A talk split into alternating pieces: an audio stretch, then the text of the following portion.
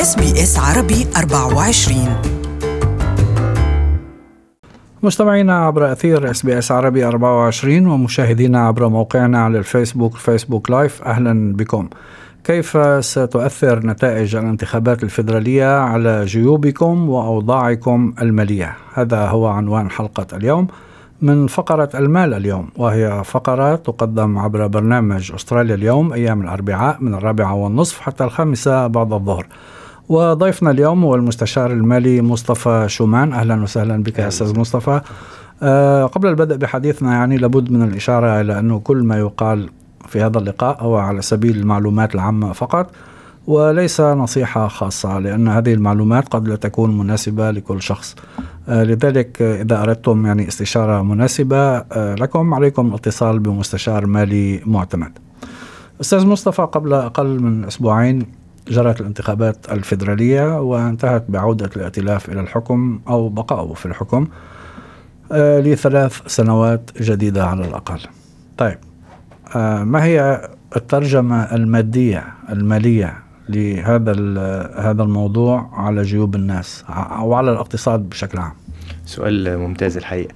آه خلينا نتكلم بشكل عام ماذا يعني آه فوز الائتلاف على الوضع الاقتصادي؟ لأنه إحنا عشان نتكلم على جيوب الناس لازم نتكلم على الوضع الاقتصادي الأول. يعني مش غايب عن ناس كتير إنه الاقتصاد في حالة تباطؤ عام إنه آه الارتفاع في معدل آه الرواتب منخفض جدا آه الأسعار بترتفع تكلفة المعيشة بترتفع أسعار العقارات في انخفاض تقريبا ما شافتوش بقالها أكتر من خمس سنين. وفوق كل ده الحرب الاقتصادية القايمة ما بين أمريكا والصين. بتأثر علينا بشكل جامد جدا.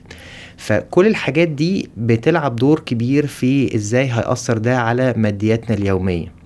وأظن إنه استمرارية الحكم للائتلاف هتساعد شوية في الاستقرار الاقتصادي والسياسي لأنه حزب العمال كان بيقترح سياسات مختلفة وعكسية عن اللي كان بدأ ينفذها الائتلاف الحاكم. فنقدر نقول إن الاستمرار ده بشكل اقتصادي وسياسي مفيد للاقتصاد بشكل عام.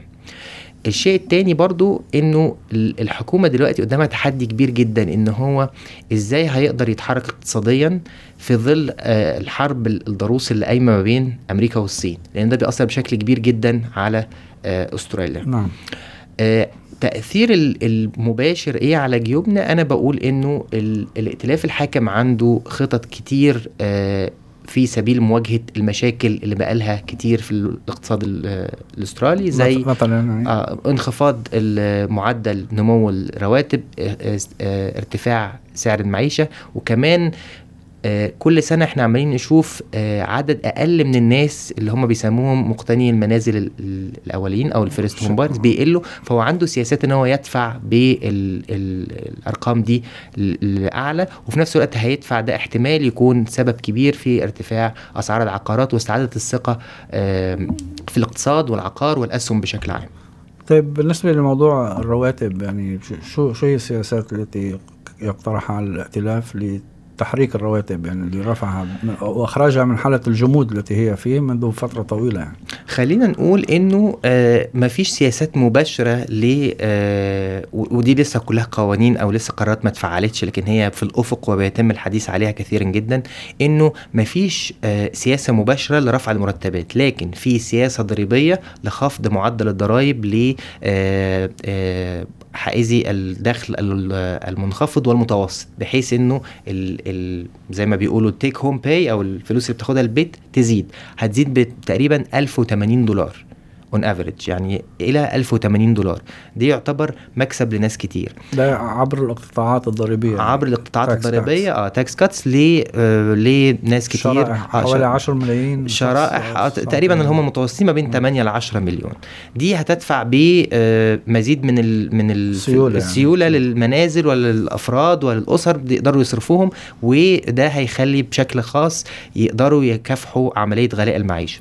الحاجة الثانية إن الائتلاف بيشتغل عليها هو غالبا هيتم خفض سعر الفايدة بسعر عام لأنه الاقتصاد في تباطؤ ومحتاجين يرفعوا ثقة المستهلك في الاقتصاد. الاستهلاك السنة دي معدل الاستهلاك السنة دي أقل من السنة اللي فاتت. آه تقريبا آه 8% وهذا مؤشر سيء ده مؤشر سيء إن الناس ما عندهاش تصرف أو مش عايزة تصرف مش عارفين هي ما عندهاش ولا مش عايزة ما نقدرش نحدد. لكن في الأخير ما فيش ثقة في المستقبل. أنا لو واثق إن بكرة في شغل زيادة أو إن في نمو أو إن المرتب بيزيد هبدأ أصرف وعندي ثقة. لكن الناس ما عندهاش ثقة. فبالتالي هي دي من ضمن الحاجات اللي الائتلاف هيعملها هو تخفيض سعر الفايدة. ده هيأثر على إنه آه أسعار المنازل هتبقى أو المنازل هتكون حاجة الناس عايزاها لأن تكلفة الإقراض هتقل. شفنا من أسبوعين آه ال ال القطاع المصرفي أو المشرع المصرفي قام بتخفيض بعض القرارات أو عمل شوية ريلاكسيشن أو تبسيط للقرارات بحيث إن هو الناس هتقدر تقترض أكتر. فده معناه إن الحكومة عايزة الناس تقترض أكتر عشان تشتري بيوت. الناس عايزة ترجع الثقة الثقة في الاقتصاد من تاني. آه يعني تخفيف القيود على الأقراض. تخفيف القيود على الأقراض وزيادة المبلغ لأنه بدأ يبقى في حسابات أخرى إنه زيادة المبلغ. مثلا مم. لو حضرتك مرتبك 80000 كنت تقترض مثلا 500000 تقدر دلوقتي تقترض 550 مثلا. بالنسبة لموضوع الفوائد معدلات الفوائد. كان هناك تكهنات إنه مصرف الاحتياط Reserve Bank كان على وشك الشهر الماضي أن يعمل صحيح. يعلن تخفيض ولكن توقف عن ذلك بسبب صحيح. الانتخابات. ما نقدرش نقول كده. محللين عم نقول تكهنات في الصحف يعني كان صحيح. تقول ولذلك يرجح إنه في الاجتماع المقبل سيكون أو اللي بعده على الأقل على الأقل هذه السنة يعني سيكون هناك تخفيض للفوائد. بص أقول لحضرتك حاجة. خلينا نكون يعني honest أو صريحين جدا. مفيش حكومة عايزة أسعار العقارات في أستراليا تنخفض لأن ده قلب الاقتصاد الأسترالي والناس عندها ثقة كبيرة جدا في الاقتصاد الأسترالي وفي العقارات في الاقتصاد الأسترالي. فالحكومة هتعمل كل اللي تقدر عليه بحيث إن العقار على الأقل ما ينزلش أكتر من كده.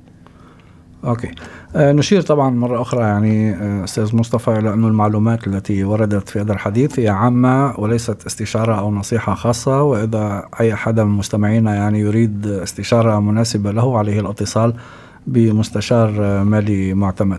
هل تريدون الاستماع لمزيد من القصص كهذه؟ اشتركوا في بث برنامجنا المنتظم البودكاست على ال iTunes.